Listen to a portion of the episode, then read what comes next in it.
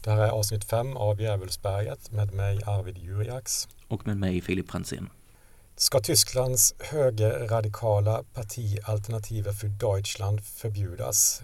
Det här är ett av de krav som, som man har hört de senaste veckorna när miljontals människor överallt i landet har demonstrerat mot, eh, mot högerextremism. Mm. Extremism. Bakgrunden eh, är, eh, som många säkert kanske känner till, ett avslöjande om en konspiratorisk träff mellan AFD-politiker och eh, högerextremister i en villa i eh, Potsdam utanför Berlin. Mm. Där man bland annat diskuterade planen på att, eh, på att göra det möjligt för en stor, stor grupp människor att utvisas från Tyskland som även har människor som även har tysk medborgarskap. En stor så kallad remigrationsplan. Återvandring skulle man väl säga på svenska va? Precis, det är väl det begreppet som, eh, som man översätter det bäst med tänker jag. Ja. Och den här, eh, det här avslöjandet har i alla fall satt igång en, en, en ganska livlig diskussion eh, om huruvida AFD ska förbjudas eller inte. Och Tyskland har ju den här möjligheten inskriven i, eh, i sin författning. Och eh, partier då som har som mål att försämra den demokratiska grundordningen eller rent av avskaffa den kan förbjudas av eh, författningsdomstolen. Mm. Och man har gjort detta två gånger tidigare. 1952 var det Socialistische Reichspartei som var en direkt efterföljare till nazipartiet NSDAP. Och ett par år senare under kalla krigets kommunistskräck eh, förbjöd man Kommunistische Partei Deutschlands eh, 1956. Ja. Så de två, de två har, eh, de två har ja, försöken har, har lyckats. Sen har det gjorts eh, eh försök att förbjuda nynazistiska NPD på senare år också utan att lyckas. 2003 kom författningsdomstolen fram till att partiet hade infiltrerats av alldeles för många underrättelseagenter. Och eh, den, den ansökan då som eh, jag antar att var regeringen eh, skickade in för att få det här partiet, eller det här förbudet prövat, är fullt då med massa bevis för varför partiet skulle vara författningsfientligt. Mm. Men de här bevisen var liksom väldigt ofta då citat eh, från eh, partimedlemmar och politiker inom partiet som i själva verket var medarbetare från den tyska underrättelsetjänsten. Så man hamnade liksom i en, en ganska bisarr situation där, där man inte längre kunde skilja partiet eh, från de som infiltrerat det. Ja, det är ju rent parodiskt till och med. Eller hur? Att höra den historien. Mm. Och sen eh, inleddes ett nytt förbudsförfarande några år senare mot NPD också då, eh, som lades ner 2017 eftersom man ansåg att partiet hade blivit för, eh, för betydelselöst helt enkelt. De hade ingen, ingenting att säga till om längre i samhället. Nej. Och nu har vi då tvärtom ett, en situation med ett parti där många anser att det är för stort för att förbjuda. Ja, det, det är för många som sympatiserar med dem och att det så att säga också är ett demokratiskt problem att då gå in och röja undan det partiet. Ja, precis.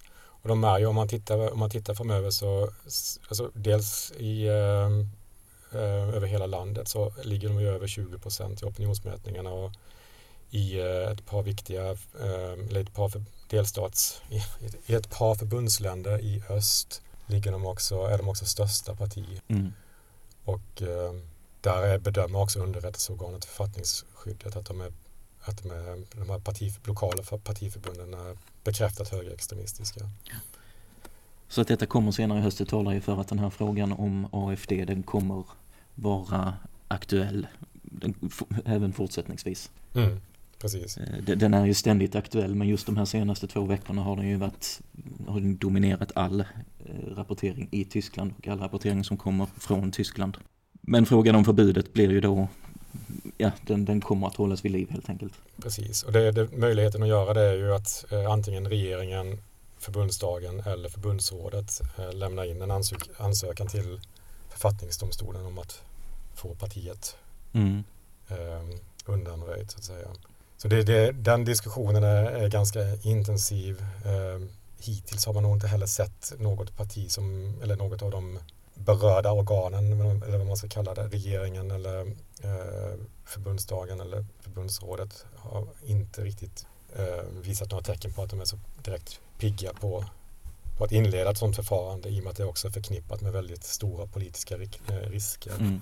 Men, men, men det som det här avslöjandet ändå, förutom att ha utlöst de här diskussionerna så har det också dragit ur proppen kan man säga i civilsamhället. Alltså det är demonstrationer över hela landet i stort sett varje dag mm. eh, sedan det här avslöjandet, eh, avslöjandet gjordes. Och det, alltså, det som jag har kunnat se, jag, alltså, jag tror inte jag har sett den här typen av uppslutning, inte ens under Friday for Futures eh, glansdagar.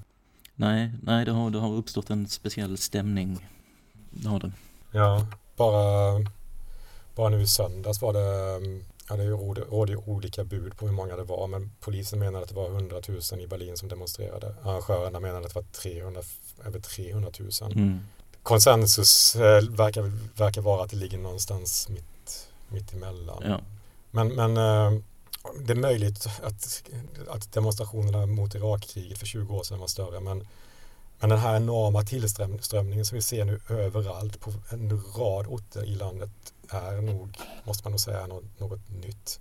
Det finns också det finns en sajt som, eh, som listar alla demonstrationerna varje dag så man kan gå in där och kolla var någonstans i närheten det sker en demonstration som mm. man kan uh, ansluta sig till.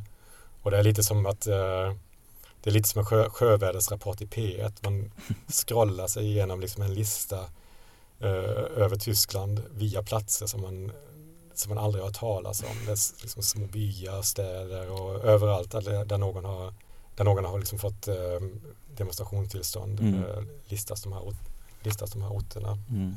Alltså jag har frågat mig lite också varför man ser ju det här just nu när det egentligen har varnats för AFD och den här utvecklingen inom partiet i, i flera år. Och jag tror att det finns ett par faktorer Förutom just liksom innehållet i det här avslöjandet om planerade massdeportationer. Och det i sig är ju egentligen inte så häpnadsväckande. Den här typen av uh, uttalanden och uh, fantasier har ju funnits inom partiet egentligen sedan starten om man ska om man nystar ordentligt. Mm. Man pratar om passtyskar uh, som ett begrepp, ett begrepp som används för, för människor då, som inte är tyskar enligt, enligt den här grumliga blod om logiken och vilka man ska kunna utvisa och vilka man, vilka man ska kunna utvisa i ett senare skede med hjälp av lagändringar och så vidare. Mm. Det är egentligen inga nyheter, men jag tror att den senaste tidens kriser i Tyskland eller i världen, omvärlden har splittrat ett land som Tyskland på ett ganska smärtsamt vis. Och protesten också som uttryck har eh, blivit, ja, blivit mer av något som människor tar till som en missnöjesyttring. Något som man såg under coronademonstrationerna, det finns också en tendens i de senaste veckornas eh, traktorblockader från bönder. Jag tror också att klimataktioner från eh, till exempel Letzte generation har verkat ganska polariserande. Mm. Och sen har man nu då Israel, hela Israel-Palestina-frågan som, som också har fått många tyskar att tveka kring var de egentligen står och, och kanske framförallt eh, kring hur de ska uttrycka sin, eh, sin ståndpunkt. Ja. Och sen har man då det här avslöjandet med AFD när det plötsligt dyker upp mitt i all den här osäkerheten och, eh, och det här splittrade samhället så, så är det som att väldigt många plötsligt hittar någonting som de äntligen kan enas kring. Ja, jag tycker de, de demonstrationerna du räknar upp här, det, jag tycker de har präglats av en större frustration egentligen medan jag uppfattar att det finns en slags lättnad kopplat till eh, de här demonstrationerna som nu äger rum mot AFD och ja. högerextremism. Precis. Det finns en slags lättnad i att det kommer så många och att man kan använda sig av det här argumentet att ja, men vi är i majoritet, vi som är emot detta. Det, det, det är många som mm. tycker att det är skönt att det visar sig vara så. Ja, och jag tror att det har lite, det, alltså jag får lite samma känsla som under flyktingåret 2015 i alla fall då i början när tusentals människor stod, stod vid stationerna runt om i Tyskland och vinkade och hälsade flyktingar välkomna. Det, det var också någon slags, för många, en, eh, ja, men en, en lättnad att som tysk kunna göra det och att man, man, att man kunde identifiera sig med något, något som man ansåg som, som, som positivt. Mm. Eh, och, jag, och jag tror också att det finns någonting, det som du också säger, en lättnad över att kunna delta i, i, i det här fallet då. I ett utrymme där, som erbjuder en ganska, egentligen ganska okomplicerad bild av världen. Mm. där demokrati och tolerans och andra ganska så tydliga värden ställs mot rasism och intolerans. Mm. Och många, många, och det har man ju sett också, liksom, jag har kollat på vänner som har lagt upp på Instagram och sånt på demonstrationer som de varit, att det finns en stolthet, stolthet över att kunna vistas i de här massorna eh, och över att det är så många just som, som du också säger. Så jag, tror att, jag tror att detta spelar, spelar roll um, utöver innehållet i, i, uh, i det avslöjandet som har gjorts uh, ja. och, och, och, utöver den, de politiska diskussioner som, som också förs. Mm. Sedan är det ju också ett politiskt väldigt ödesmättat år. Um, dels med de här delstatsvalen som kommer i, i Tyskland i höst där mycket står på spel. EU-valet och också förstås eh, valet i USA. Ja. Så det är en kontext som, som, eh, som skapar en, en viss, viss typ av känsla av, eh, av att läget är akut. Mm. Så frågan är ju då eh, vad, man, vad man gör med, med AFD. Tittar man på demonstrationerna så är, ju, är, ju, är de ganska eniga. Eller det är ju ett av de absolut tydligaste budskapen att, eh, att man bör förbjuda partiet. Ja. Så vi har alltså nu en, en enorm diskussion om AFD och själva grundfrågan här är ju på sätt och vis, alltså vad är detta för slags parti?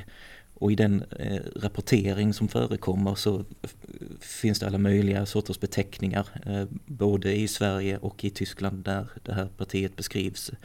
Det kallas till exempel ofta odemokratiskt, högerextremt, misstänkt högerextremt, delvis högerextremt, påvisat högerextremt i vissa förbundsländer. Och jag tycker det är, det är ganska svårt att orientera sig bland de här begreppen eh, och förstå vad de faktiskt innebär eller vad själva substansen i de här eh, anklagelserna är för någonting. Jag brukar kalla dem för, för, för högerradikala. Jag har också kämpat med, med hur jag ska beteckna det när jag skriver om det men ja. har nått fram till att högerradikal är ett begrepp som ändå jag känner att passar ganska bra på, på det de står för. Mm. Men du har ju kollat närmare på, eh, på de här på det här lite mer i uh, synen de här eh, delarna i sömmarna. Ja, eller jag, jag har gjort ett försök i alla fall. Så jag tänkte att jag skulle ja, ge mig på att konkretisera de här begreppen eller försöka se vad de, de kokar ner till, vad det finns för substans i dem. Så att säga. För det, det förekommer ju alla möjliga sorters kritik mot det här partiet. Eh, det talas om att de är Rysslandsvänliga, motståndare till NATO, motståndare till EU, mm. att de har kopplingar till extremister och så vidare. Men jag tror att det som är helt centralt i den här debatten, eh, där alla poängterar att AFD är högerextremt eller liknande, det är eh, det tyska författningsskyddet som är en myndighet som har till uppgift att samla in och utvärdera information om strömningar som riktar sig mot den frihetliga demokratiska grundordningen. Det är det, lite som Säpo i, i Sverige kan man väl säga. Ja, man kan likna det vid det. Men det, det är så deras uppdrag ser ut. Så det, ja, det är helt enkelt en underrättelsetjänst som övervakar partier, organisationer, även privatpersoner, men utan att ingripa, till skillnad från polisen. Mm. Och, och den skapades Eh, Eh, likt mycket annat i Tyskland direkt efter andra världskriget och det var på initiativ av eh, Storbritannien, Frankrike och USA som inte riktigt eh, litade på tyskarna utan ville ha en särskild underrättelsetjänst som kunde sätta stopp för statskuppsförsök. Men i alla fall, nu gör alltså författningsskyddet den bedömningen att AFD är så kallat misstänkt högerextremt på förbundsnivå, alltså i i hela Tyskland så att säga. Vilket möjliggör för myndigheten att eh, övervaka, infiltrera och spionera på partiets representanter.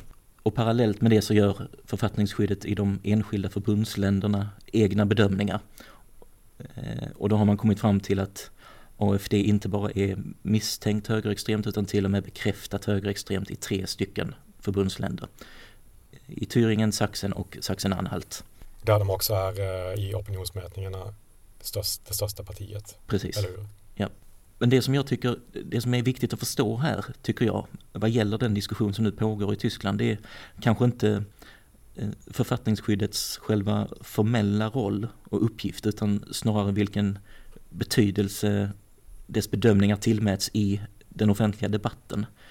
Alltså när folk betonar att AFD är odemokratiskt och att de är högerextrema så följer de nästan alltid upp det genom att i nästa andetag säga att partiet övervakas av författningsskyddet och bedöms vara bekräftat högerextremt på vissa håll. Så, så, så, att påstå detta, att AFD är högerextremt, det blir till ett slags till ett slags objektivt faktum i debatten i och med att man kan stödja sig mot den här bedömningen som författningsskyddet gör. Eh, ja, det, det får en helt annan legitimitet helt enkelt. Vilket leder till att ingen heller riktigt kan invända mot det. Det resonemanget att de är extrema. Och då, det gör ju det extra intressant att se då vad, vad den här bedömningen kokar ner till. Som författningsskyddet alltså gör. Och, och det, det nästan alltid handlar om, när man tittar närmare på det, det är att AFD definierar det tyska folket utifrån härkomst och etnicitet istället för utifrån medborgarskap. Det har alltså med eh, partiets definition av själva folkbegreppet att göra. Mm. Eh, 2022 till exempel så skrev eh, författningsskyddet i Thüringen, de, de gör ju eh, årliga rapporter, eh, och då skrev de 2022 eh, så här. AFDs ideologiska grund är det strävan efter ett etniskt homogent folk. Och det är nyckelformulering i den här rapporten och det är alltså vad man har kommit fram till efter att ha övervakat partiet. Eh, AFD är ju som man kan förstå väldigt kritiskt inställd till författningsskyddet. Eh, men det förekommer också en del mer seriös kritik och jag tänkte prata om en, eh, en författare och en kolumnist som heter Ronen Steinke.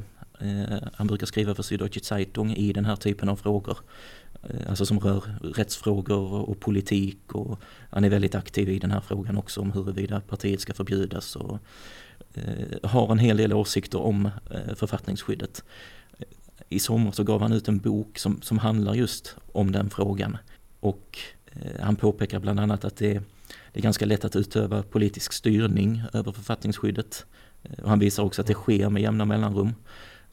Eh, men hans huvudsakliga kritik är väl att eh, han tycker helt enkelt att den här myndigheten har alldeles för stora befogenheter vad gäller att övervaka partier och organisationer Eh, och till och med folk i allmänhet. Han, han, han, brukar säga till exempel att eh, även folk som sköter sig och, och, följer alla lagar kan komma att bli övervakade av författningsskyddet och det, det stör han sig på.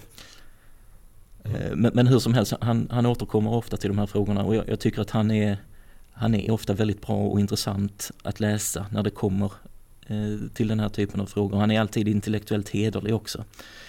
Mm. Eh, så jag tycker att han är en av de allra viktigaste eh, att kanske hålla lite koll på nu när den här frågan är så aktuell.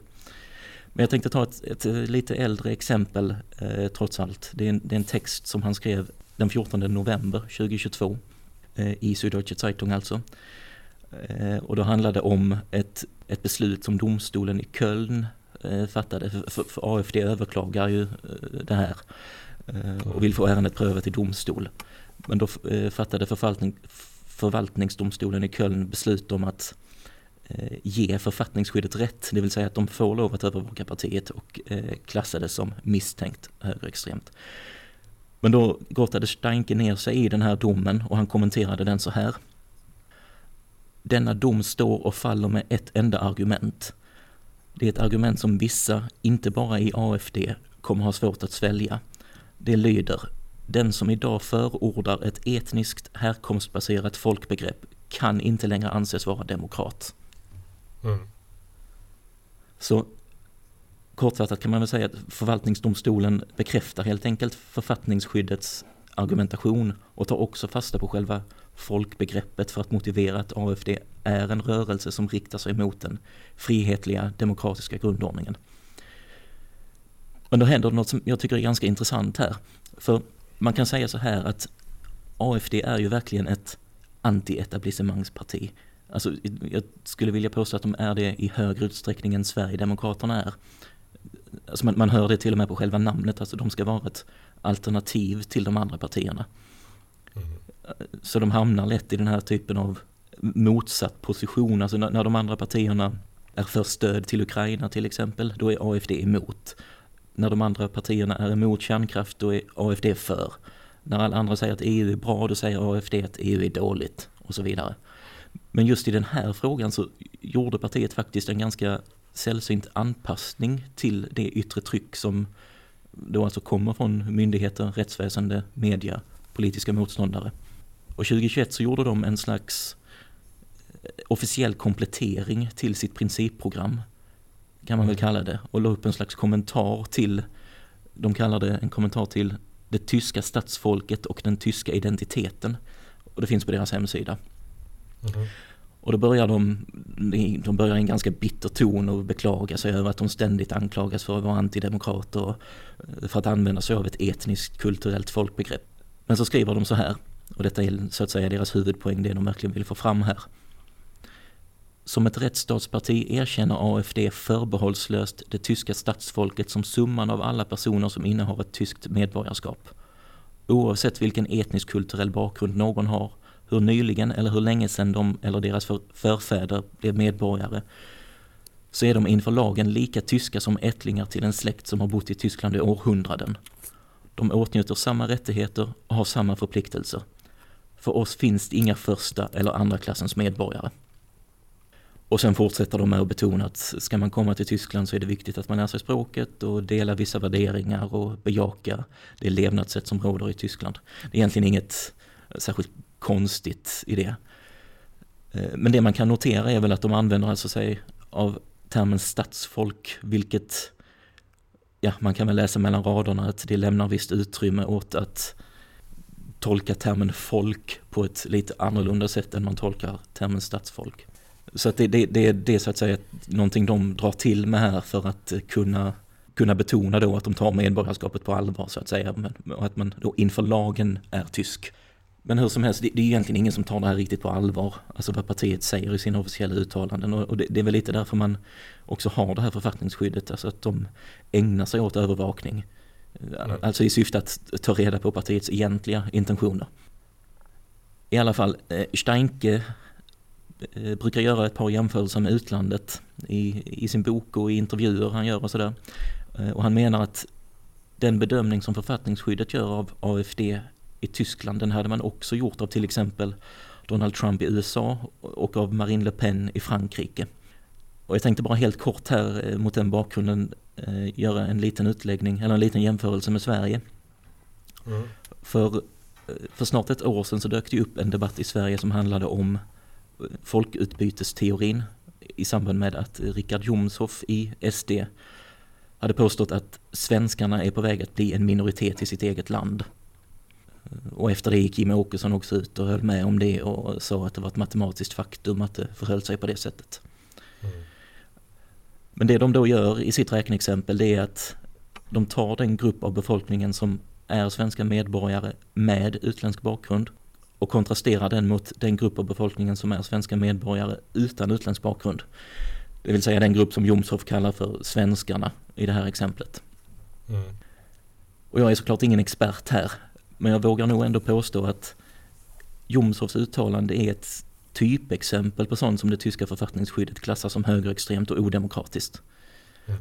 Och jag tror att så som Jimmy Åkesson förhöll sig till det här i efterhand så hade även han legat ganska risigt till i Tyskland. Men det här eh, själva demokratibegreppet, alltså jag tror att intuitivt när man hör att ett politiskt parti är ett hot mot demokratin eller att det är odemokratiskt så tänker man eh, förmodligen i första hand på att de kanske vill störta demokratin eh, och införa diktatur. Eller att de sakta men säkert vill skaffa inflytande över ett lands institutioner och därigenom successivt avskaffa demokratin. Men i AFDs fall så är det inte riktigt det som är själva problemet utan det är det frågan, alltså det är inte frågan om att de vill avskaffa allmänna val till exempel. Och jag vet att författningsskyddet skriver till och med i någon rapport att AFD faktiskt bekänner sig till en demokratisk utformning av staten. Så att, så att det här handlar om någonting annat och det, jag tycker det visar sig i den här situationen som har uppstått nu också efter det här mötet som ägde rum på slottet för ett par veckor sedan där man diskuterade frågor som anses vara odemokratiska och högerextrema. För, för det, var, det var ju aldrig frågan om att planera någon statskupp eller alltså avskaffa demokratin på det sättet utan det det kokar ner till återigen det är den här frågan, och det som är mest känsligt alltså, det är den här frågan om att utvisa just tyska medborgare. eller förmå mm. dem att remigrera eller återvandra. Det, det, det är så att säga där skon klämmer. Och då får man direkt de här enorma reaktionerna där man är ute och säger att det här är odemokratiskt, det är högerextremt, det är grundlagsvidrigt, det är fullkomligt oacceptabelt och så vidare. Och jag tycker den här frågan, det, det är intressant att eh, fundera lite kort över den rent principiellt också för det här resonemanget som man alltså för i Tyskland, drar man det till sin spets så är det så att säga, det blir så att säga per definition odemokratiskt att göra skillnad på medborgare och medborgare. Eftersom det ruckar på själva folkbegreppet, vilket i sin tur betyder att man ruckar på begreppet folkstyre, det vill säga demokratin. Eh, jag ty tycker bara det är, ett, ändå ett intressant perspektiv på själva frågan om vad som är demokratiskt och vad som är odemokratiskt och vad som hotar demokratin och vad som inte gör det. Men ja, det, det var lite kort från min sida här om författningsskyddet och hur de resonerar.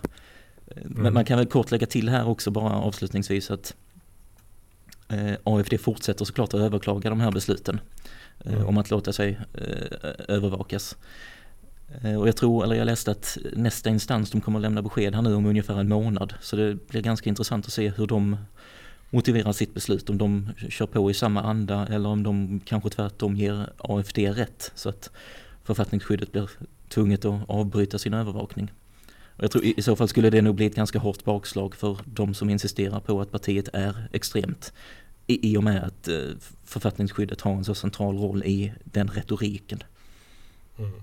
Och, det, och det ärendet är eh, AFD på förbundsnivå nivå, eller? Ja, precis. precis. Ja. Ja. Och det är också, om man säger författningsskyddets eh, material som de samlar in ligger ju ofta till grund för, eh, för eventuella förbudsförfaranden och sånt som skickas till författningsdomstolen. Mm. Jag pratade eh, förra veckan med en före detta författningsdomare, eh, Gertrud Lubbe-Wolf. Och hon sa ju också att den här typen av förfaranden är extremt komplicerade. Alltså det tar, det tar flera år, alltså fem, sex år eh, från det att man lämnat in ansökan till, till domstolen eh, innan dess man mm. kan komma till ett slags beslut. Och det svåra är ju, precis som du var inne på också, att, eh, att det står ju inte uttryckligen i, i något partis partiprogram idag att man vill avskaffa den demokratiska grundordningen på något sätt. Tvärtom snarare. Man betonar ja. det väldigt mycket och att man betonar snarare att dagens system är ett hot mot den demokratiska grundordningen. Mm. Så det handlar ju också då om att samla, samla belägg för att, eh, för att det som enskilda medlemmar och politiker, till exempel de som medverkar vid den här träffen, att de också eh, representerar partiets helhet, att partiet som helhet också står för den här, den här synen då som kommer till uttryck hos mm. enskilda medlemmar och funktionärer. Och det är inte lätt att göra. Nej. Utan, utan det är ju, och, och det finns ju många, det finns ju stridigheter inom ett parti också såklart, inom alla partier. Och man har ju pratat om AFD som som ett parti som började som ett eh, euroskeptiskt parti eh, som också sedan mer eller mindre kidnappats av högerradikala krafter. Den här bilden kan man, den här bilden kan man också ifrågasätta och, och så, men det, det, är den historien om AFD som ofta berättas. Ja, det är standardbeskrivningen som ständigt återkommer. Precis, men då måste man också vara medveten att de har haft, eh, de, har haft de här krafterna i partiet hela tiden. De har gett dem utrymme när de har märkt, eh, när den mer moderata partiledningen i början märkte att man fick gehör hos människor för den här typen av frågor. Kanske under flyktingkrisen då 2015. Eller Thilo Sarrazins bok eh, Deutschland schafft sich ab som mm. var på något sätt ett portalverk för den här folkutbytesteorin i Tyskland. Mm. När man märkte att den här typen av idéer hade vann gehör eh, hos väljare, då gav man det utrymme. Då, eh, då gjorde man det till en del av sitt, eh, av sitt eh, program. Mm. Så jag, jag, känner själv att den här, den här berättelsen om AFD som ett offer egentligen för krafter som, eh, som, som har sett AFD som en, eh, som en möjlighet att, att rida på liksom för att själv vinna, vinna framgångar. Jag är inte riktigt säker på att den är är, att den riktigt stämmer. Jag tror att den är för, för enkel eh, mm. egentligen. Och om man tittar på en, alltså när man pratar om de här förbudsförfarandet då som eventuellt ska in, kan inledas. Jag personligen, jag, jag tror att det blir svårt eh, att eh, starta ett för hela partiet. Men man pratar ju då om det som redan nämnt, att man eventuellt kan rikta in sig på lokala partiförbund i de delstater då där, där man uppfattar dem som mest extrema. Mm. Eller, och det här är ett annat alternativ då, är att man riktar in sig på enskilda partimedlemmar. Och då handlar det om att, eh, att man fråntar, och det är också författningsdomstolen som gör det enligt liknande förfarande som med ett helt partiförbud. Men då riktar man in sig på enskilda medlemmar och eh, tar ifrån dem eh, deras delar av deras eh, rättigheter. Individuella rättigheter som, indi, som tyska medborgare. Mm. Precis, och författningsdomstolen bestämmer då egentligen vilka rättigheter det här ska handla om i varje enskilt fall. Och det kan röra eh, möjligheten att, eh, eller rätten att hålla tal, eh, delta i demonstrationer eller allmänna eh, församlingar. Eh, men också rätten att ställa upp i val och, och också rätten att, att själv rösta. Man kan alltså frånta någon dennes röt, rösträtt. Och det är mm. ganska, ganska drastiska åtgärder men många, många som känner sig lite överväldigade av tanken på att förbjuda hela partiet pekar ju på det här med, med att frånta någon dennes rättigheter som, som, eh, som en enklare eller en, en kanske mer uh, rimlig utväg. Man pratar om detta också mm. som det lilla partiförbudet. Mm. Det här har all, man har faktiskt aldrig använt, eller det, man har använt det men det har aldrig eh, det har aldrig eh, lyckats. Man har, aldrig, alltså man har anmält eh, personer till för att pröva detta då i författningsdomstolen men de har alltid gett avslag. Så det har liksom aldrig den paragraf, paragraf 18 tror jag det är i, eh, i författningen eh, som är relativt oprövad. Eh, men, men som man nu ser när man går på demonstrationer och sånt så ser man ju det här på skyltar överallt. Och då är det framförallt en person i eh, partiet som man, som man, eh, som man riktar in sig på eh, i det här fallet och det är Björn Höcke heter han. Mm. Och han har egentligen sedan AFDs start målats, ut som, målats upp som, som den personen som fört partiet i en allt radikalare riktning. Ja. Idag är han 51 år, han är till yrket lärare och leder AFD i förbundslandet Thüringen där, där man också har det absolut största försprånget i, i opinionen inför höstens eh, delstatsval där. Mm. Och man, alltså man behöver kanske inte gå in så mycket på förhållanden just inför det här valet men det är också intressant rent eftersom CDU vägrar att samarbeta inte bara med AFD utan också med De Linke så är det en hel del som pekar på att Höcke kommer att bli eh, ministerpresident i Thüringen. Om man inte till och med får egen majoritet men som, som, eh, som opinionsläget ser ut nu så kan det mycket väl vara så att man i Thüringen, visserligen en liten, eh, ett litet förbundsland, men inte desto mindre kommer få en, en av eh, Tysklands mest eh, kontroversiella politiker på flera år som, eh, som ministerpresident. Mm. Och han är ju verkligen kontroversiell kan vi understryka här. Oh ja. det, det, har ju alltså Ja, jag vet, men han är, han är ju en helt, även om han då verkar i ett litet förbundsland och inte har någon jätteframträdande roll och sådär. Eh, formellt så är han ju ändå en av huvudpersonerna i tysk inrikespolitik. Precis, och det, det pratas ju också mycket om, om, han som, om honom som, eh, som den som håller i trådarna egentligen inom partiet. Han har ju också i mm. flera mm. skeden lyckats med eh, eh, vunnit interna stridigheter och det har till och med det har ju funnits, det har ju varit många gånger på tal om att han ska uteslutas i partiet men har alltid haft eh, fler supportrar än motståndare och har alltid vunnit de här striderna och samtidigt då tystat sina motståndare.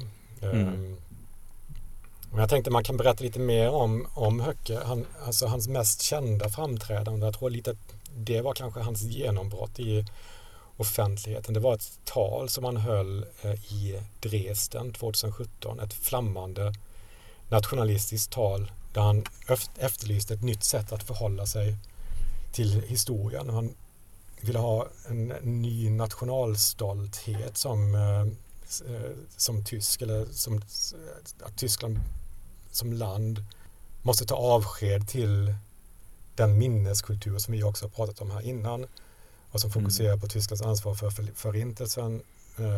Den vill han göra sig kvitt och han vill också göra sig kvitt det som han upplever är en tysk mentalitet om att vara det totalbesegrade folket som han sa i talet. Mm. Och det mest kända citatet eh, var nog nu när han pratade om förintelsemonumentet i Berlin. Och då säger han så här, citat. Vi tyskar, och då talar jag inte om er patrioter som samlats här idag, utan vi tyskar, alltså vårt folk, är det enda folket i världen som planterat ett skammens monument i hjärtat av sin huvudstad. Och detta är alltså då för sju år sedan. Eh, mm. Så man ser ju egentligen att redan då fanns ju den här ganska tydliga eh, nationalistiska uttrycken i partiet. Alltså det här tankegodset är, är ju verkligen ingenting nytt. Nej, och Höcker har ju varit med från början. Eh, Precis. Engagerad i partiet. 2018 släppte han en, en bok, Nie zweimal in den selben Fluss, aldrig två gånger i samma flod. Mm. Och man, just nu är ju den bok som man citerar ganska flitigt ur eh, de här, under de här diskussionerna som förs. Eh, men redan där, alltså 2018, skriver Höcke om, eh, om de här remigrationsplanerna som, som nu luftats eh, på de här hemliga mötena. Då. Och det, det som han skriver där, om man läser det så är det, det är rent skrämmande. Eller man kan nog, man kan nog inte understryka liksom hur, hur radikalt det här är egentligen. Nej. Men han liknar samhället vid en patient som vägrar låta sig opereras. Och så skriver han att ju längre tid det dröjer desto svårare måste av nöd de snitten bli som krävs. Och den nya politiska ledningen, underförstått AFD då, eh, som eh, i framtiden då, som han i framtiden ser som, som det ledande partiet, måste uthärda svåra moraliska beslut. Mm. Ett par folksdelar kommer vi tyvärr att förlora som är för svaga eller för ovilliga att medverka. Och så fortsätter det. Det, det är ren, eh, jag vet inte hur man ska definiera det eh, egentligen, men, men de planerna som man har för Tyskland är ju att mer eller mindre skapa det här folkligt enhetliga eh, som man egentligen kan förknippa med, med den typen av ideologier som, som verkade på 30-talet och 40-talet. Ja. Och det har ju också med bakgrund av det han skriver i sin bok så har det också eh, till och med slagits fast i domstol att eh, han är fascist. Ja, så, så det, han det blev, är... Precis. Han blev, ju, han blev ju kallad fascist och, ehm, och anmälde tror jag då de som hade kallat honom för fascist för förtal. Mm. Jag tror det var så det var. Mm. Men eh, domstolen kom fram till att men eh, kolla, men det här, du, får nog finna dig i att eh, att det här är en beteckning som folk använder eh, och, den, att den, och att den också är riktig. Ja. Så det, fin det finns liksom domstolsbeslut på att, på att det här är en fascist som vi har att göra med. Mm. Eh, jag har träffat Töcke två gånger. Två gånger till och med? Okej. Okay. Två gånger. Eller träffat, träffat och träffat. Alltså den ena gången var på Bokmässan i Frankfurt 2018 mm. när han presenterade den här boken. Och det här var också kring den här tiden då eh, då man hade en debatt i, eh, i mässan i Göteborg om, eh, om Nya Tiders medverkan på, på mässan där. Frankfurt har liksom gjort sig känd för att aldrig göra några sådana gränsdragningar. Och, och, just det här mm. året var det också ganska uppenbart att det var en ganska alltså, tydlig tummelplats för aktivister från identitärerna, det var förlagsmedarbetare från det här högerförlaget Antaos Mm. Eh, tankesmedjan Institut för statspolitik som också är väldigt viktig eh, för liksom, den intellektuella underbyggnaden kring det här nya, de här nya högerrörelserna som man har sett i Tyskland de senaste 15 åren. Mm. Även Tilo Sarrazin var där för att presentera en ny bok så det var liksom en, som en liten festival av olika högermuppar eh, just det året. Och Höcke då som skulle presentera sin, sin bok. Och efter det här talet som han då hade hållit 2017 så var han, han var en väldigt känd eh, person, eller känd profil. Eh, vilket såklart ledde till att det var en hel del poliser på plats. Bokmässan hade också sitt, sitt eget säkerhetsfolk som var där och eh, som skärmade av och eh, försökte hålla folk eh, folk i schack. Det var en del protester och demonstranter där också. Men det som jag, tyckte, det som jag reagerade mest på var också att Höcke hade, hade också en egen säkerhetsfirma i vita pikétröjor som var där och körde lite sitt eget race med oss som var där från, från pressen. Okay. Och de försökte, liksom, de försökte förhindra folk från att filma och fotografera. Och, mm. Eh, och just det här, liksom, en situation med olika företrädare från olika säkerhetskrafter skapade en väldigt så här, obehaglig eh, situation eh, där man inte riktigt visste okay, vem, vem, vem är det egentligen här som, som är den som, som bestämmer över vad som får göras och inte göras mm. på mässan. Och under, under presentationen av boken så ville Höcke också förbjuda oss som var där att, eh, att dels att eh, eh filma eh, presentationen men också spela, ta upp ljud och märkligt nog tycker jag i alla fall då var att väldigt många, eller egentligen alla av de, de tyskar som var där från tysk public service-tv och liknande, de, de bara ställde ner sin, sina kameror på golvet mm -hmm. utan, utan att egentligen protestera. Men sen kom någon från, från mässans eh, ledning och röt till om att den som befinner sig på mässan och använder deras lokaler måste också finnas i, i mässans regler som säger att man inte får hindra pressen att göra sitt jobb såklart. Eh, ganska uppenbar.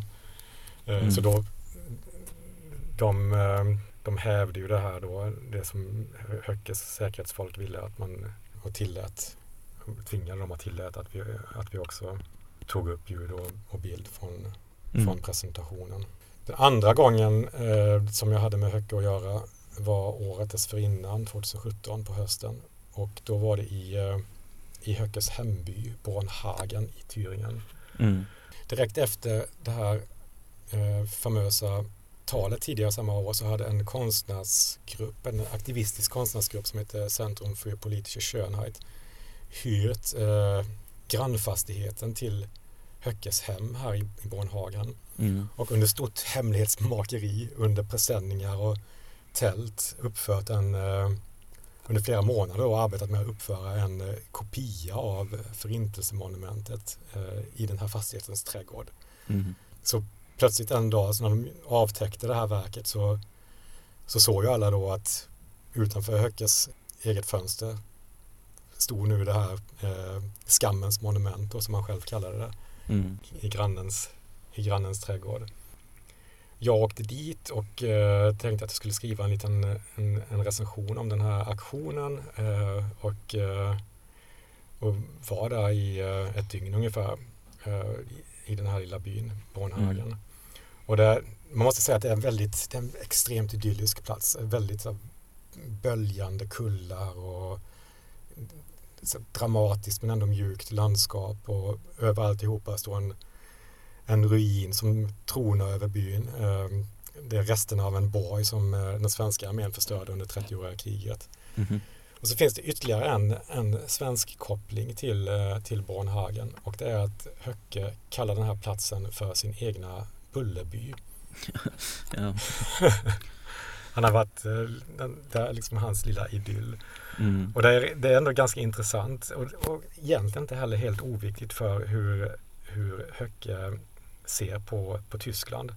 Mm. Um, för det finns, um, alltså 2007 tror jag det var, så myntade den dåvarande direktören för Goethe-institutet i Stockholm ett begrepp som man kallade Bullerby-syndromet. Mm. För att, och det, det är liksom ett sätt för att förklara många tyskars känsla av längtan efter, efter något som då något som han menar är en föreställning av att något gått förlorat i Tyskland. Alltså det handlar inte om tyskarnas eh, fascination för, för Bullerbyn och Astrid Lindgrens eh, sagor överlag handlar inte nödvändigtvis om, om en vulgär syn på Sverige utan, utan det är snarare en projektion av, av hur de ser på Tyskland. Alltså, ja. Man kan se det som att i det tyska Bullerby så det finns inget, det finns inga autobahn som skär genom landskapet. Det finns inget EU. Det finns inga jobbiga regeringsförhandlingar och eh, flyktingkris och flyktinginvandring överhuvudtaget det dröjer sig heller inget trauma kvar från återföreningen mellan öst och väst och man behöver heller inte hantera den här, hela den här komplicerade bördan av kollektiv skuld och skam. Så mm. Bullerbyn för Tyskland liksom står för ett eh, förmodernt, eh, förmodernt samhälle eh, som, som, man, ja, som man känner en viss eh, eller stark längtan tillbaka till. Och detta är då Höckes vision för, för Tyskland, eh, ja. kan man ju anta. Ja. Så jag kände när jag var där och gick omkring i de här i, i, i hans grannträdgård och jag var uppe och besökte den här borgen, eh, hängde lite på något eh, på en krog där med några jägare som var ute och jagade vildsvin. Då kände jag att jag behövde göra min journalistiska plikt också och egentligen knacka på hemma hos, hos Höcke. Jag, jag tvekade ganska länge för jag visste egentligen inte vad jag skulle fråga honom. Eh, mer, mer, än, mer än egentligen vad han tyckte om, eh, om just det här konstverket då, som han tvingas eh, blicka ut över varje dag. Mm. Men jag tänkte, jag, och jag kände mig också ganska säker på att han aldrig skulle ställa upp eh, på någon intervju. Men jag gick i alla fall upp den här vägen som, som leder upp mot borgruinen eh, svängde vänster och traskade in på uppfarten till Hö Höckes, eh, Höckes tomt. Mm. Där stod också en polisbil och vaktade. Och som, alltså sedan det här konstverket avtäcktes, det var, blev ju en riksnyhet och bilder på verket med Höckes hus i bakgrunden publicerades i varenda tidning så alla visste ju numera var, eh, var Höcke bodde. Ja, och nu när du berättar, jag ser också framför mig hur det här ser ut i och med att det liksom har blivit ja. så känt. Precis, precis. Eh, så han hade ju, han hade ju polisskydd eh, dygnet runt de här dagarna. Jag vet, förmodligen idag också. Men jag gick, hela fram, jag gick fram till poliserna och frågade om Höcke var hemma. De visste inte sa de. Och jag sa, ja men jag går och kollar. Okej. Okay. de lät dig göra det eller? Och de var, ja men precis, som två King och Klang egentligen. Eh, lät mig då liksom en utlänning med uppenbar brytning bara kliva på hemma hos Tysklands kanske mest eh, hatade politiker. Mm. Men jag tänkte okej, okay, jag, jag gick in eh, på tomten, gick runt och klackade på han, alltså det är en enorm träkåk som han bor i så jag gick runt och knackade på de, de här olika dörrarna som, som fanns eh, utan att jag fick något svar. Eh, men så eh, till slut så hade väl då poliserna insett att vi kanske borde kolla lägg på den här utlänningen som vi precis släppte in till, till, till Höke. Mm. Och just då öppnade han också en av dörrarna och så sköt han fram sina barn för att visa att på något sätt markera att det här är hans familjedomäner mm. och bad mig lämna, lämna, lämna platsen. Mm. Eh, och så frågade, så frågade jag, sa också, ja men jag är från Sverige, eh, eh journalist, eh, jag vill ändå fråga om du är beredd att ställa upp på en intervju och då hänvisar han mig till, till press, presskontakten mm. inom partiet. Mm. Och så var det med det. Men där var han i alla fall. Ja. Och det är ju frågan, hans vidare öden inom politiken står väl jag vet inte om det står på spel egentligen för jag tror att det här möjliga beslutet att frånta någon eller Björn Höckes eh, individuella rättigheter i viss utsträckning. Också såklart kommer att göra honom till, eh, till den martyr som man, som man eh, delvis ser sig själv som. Alltså det finns en sak också som jag tycker är intressant med en sådan figur som Björn Höcke och det är ju också hur, hur han gestaltas i, i den tyska offentligheten. Jag vet inte om du har tänkt på det Filip, men det är också ofta de bilder som publiceras av honom är ju ofta i liksom någon slags stilla extas. Han tittar upp i luften eller han, eh, han blundar på något så hemlighetsfullt, njutningsfullt sätt. Mm -hmm. Som om han sitter och smider sina, sina nästa intrig eller maktplaner. Okej, okay. det har jag aldrig reflekterat över men det kan hända. Men det, det, finns, det finns någonting i, i, ehm, i Björn Höcke som, som representant för för något, alltså en, en förhoppning kanske man skulle kunna säga till och med om att han ska vara den som gör, eh, som visar en gång för alla att AFD är ett parti som inte kan ha att göra med. Att, man, att det är mm. på något sätt en, det här liksom annars ganska så eh, oklara, grumliga inom partiet, ett parti som vänder sig, det som du sa innan, eh, man är emot det som andra är för helt enkelt. Eh, Mm. Det är liksom en otydlighet kring var de står, opportunistiska, ett opportunistiskt parti eh, på många sätt och vis. Men Höcke står liksom för den här ondskans återkomst på något sätt. Eh, Eller man, man ser i honom möjligheten att, att på något sätt kunna definiera partiet som helhet. Som Ja. ett fascistiskt, nazistiskt eh, eller rent av ondskefullt parti. Ja, Och jag ja. ty- ty- tycker man också ser det här liksom i hur, i hur, eh, i hur han eh, lyft, lyfts fram och vilka bilder man väljer av honom. Och Mm. någonstans tror jag också att han är ju också medveten om vilken figur han gör i offentligheten. Jag tror att han, det finns också en, en, ett visst sätt för honom att tillmötesgå den önskan ja. i, i sättet som han förhåller sig eh, i offentligheten och inför media.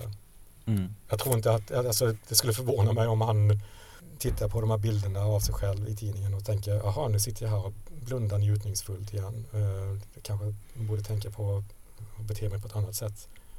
Som om man inte Mm. visste vad de här bilderna signalerar. Och han har ju också varit ut, eh, uttalat sig Eh, de, kring de senaste planerna och det är tydligt att han, att han rider på, på den här diskussionen eh, om att själv bli, eh, bli fråntagen sina rättigheter och att det bekräftar på något sätt hans, hans världsbild av det tyska etablissemanget som i, som i grunden då är odemokratiskt. För, Mm.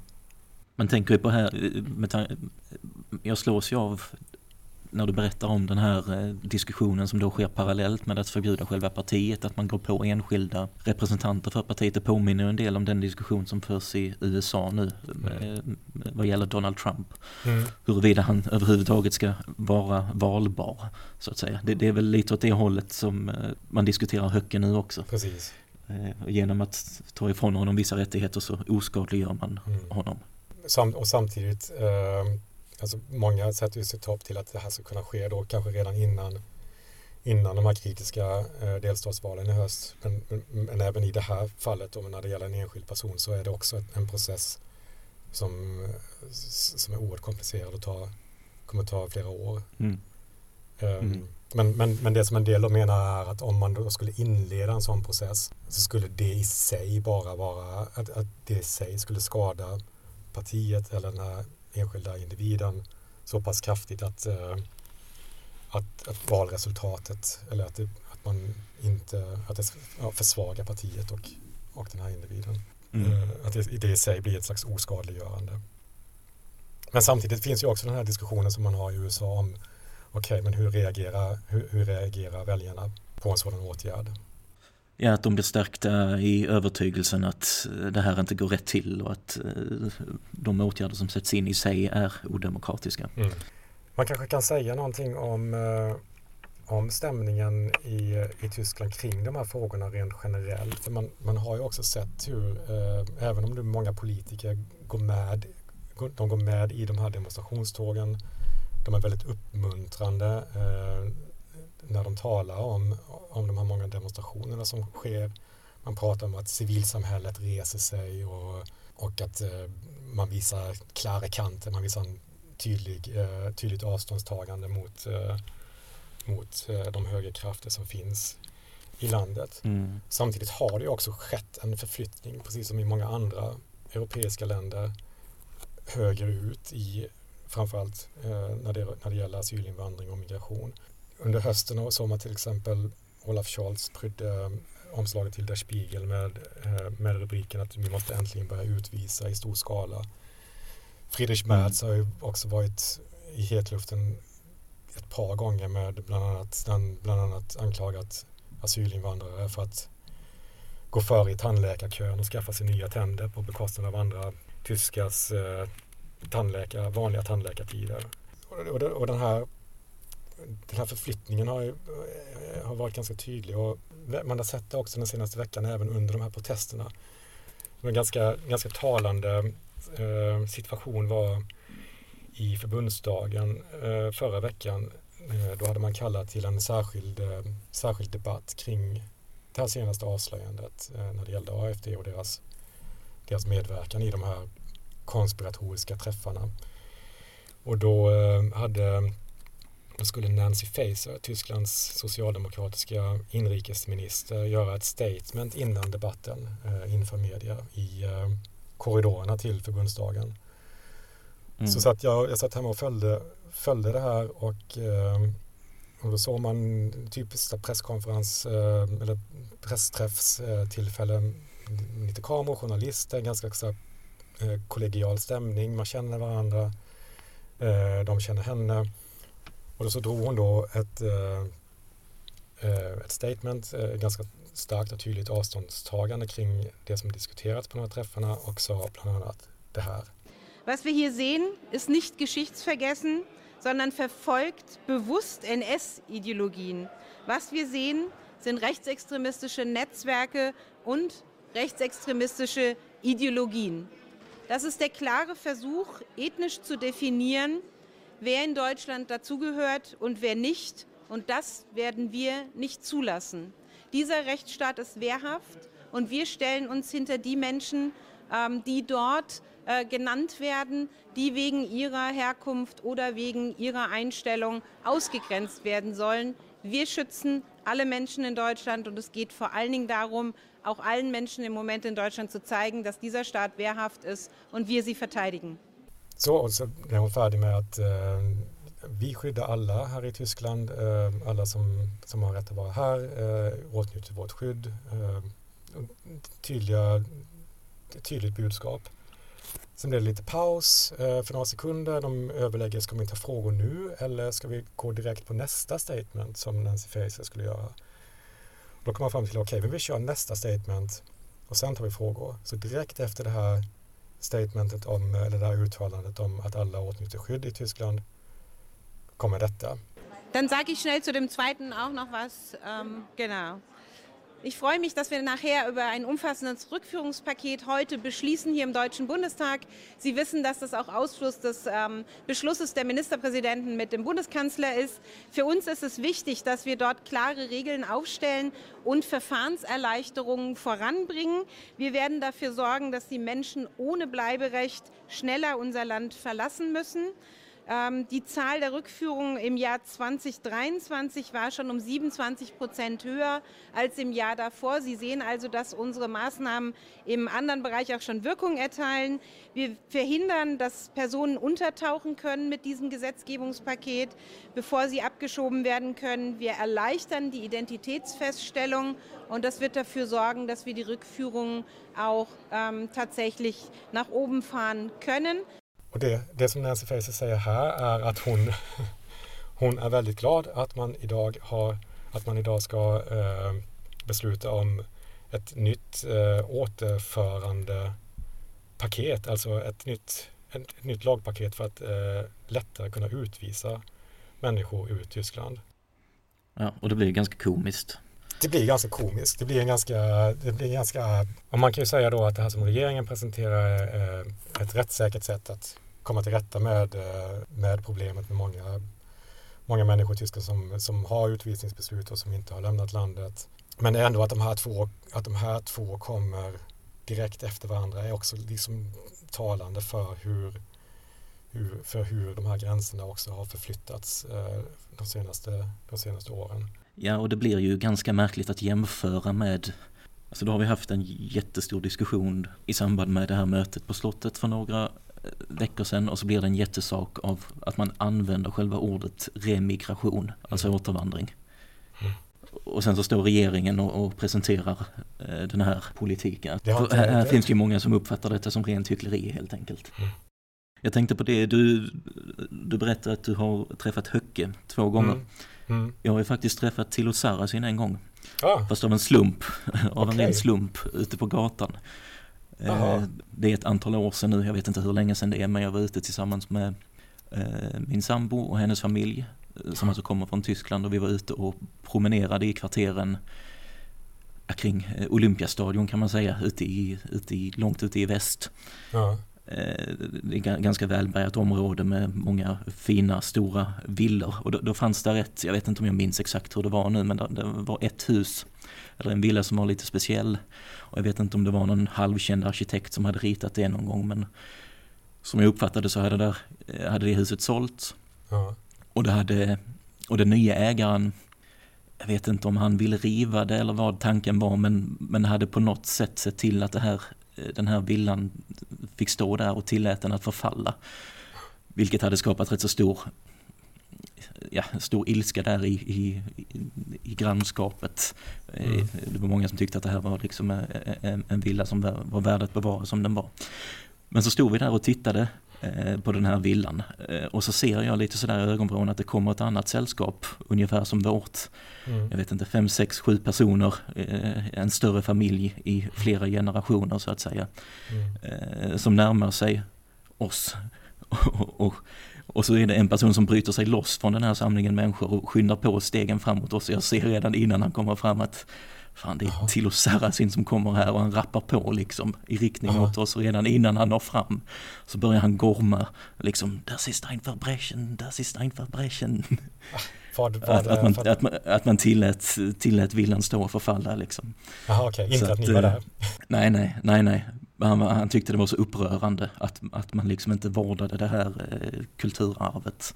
Ja, okay. eh, så ja, lite kul att han utstrålar precis samma temperament i verkligheten som han gör i sina samhällsanalyser. Ja. Har vi något mer att tillägga idag? Jag tror inte det. Nej. Vi får väl se vad som, eh, vad som händer framöver. Ja, ämnet AFD kommer vi garanterat att återkomma till. Ja. Men med det sagt så tack till er som lyssnar och även tack till er som kommenterar och hjälper till att sprida podden lite. Följ gärna och eh, tryck på olika betygskriterier eller betygsknappar. ja, precis. Så hörs vi snart igen. Ja, ha det bra. Tack för idag. Hej hej.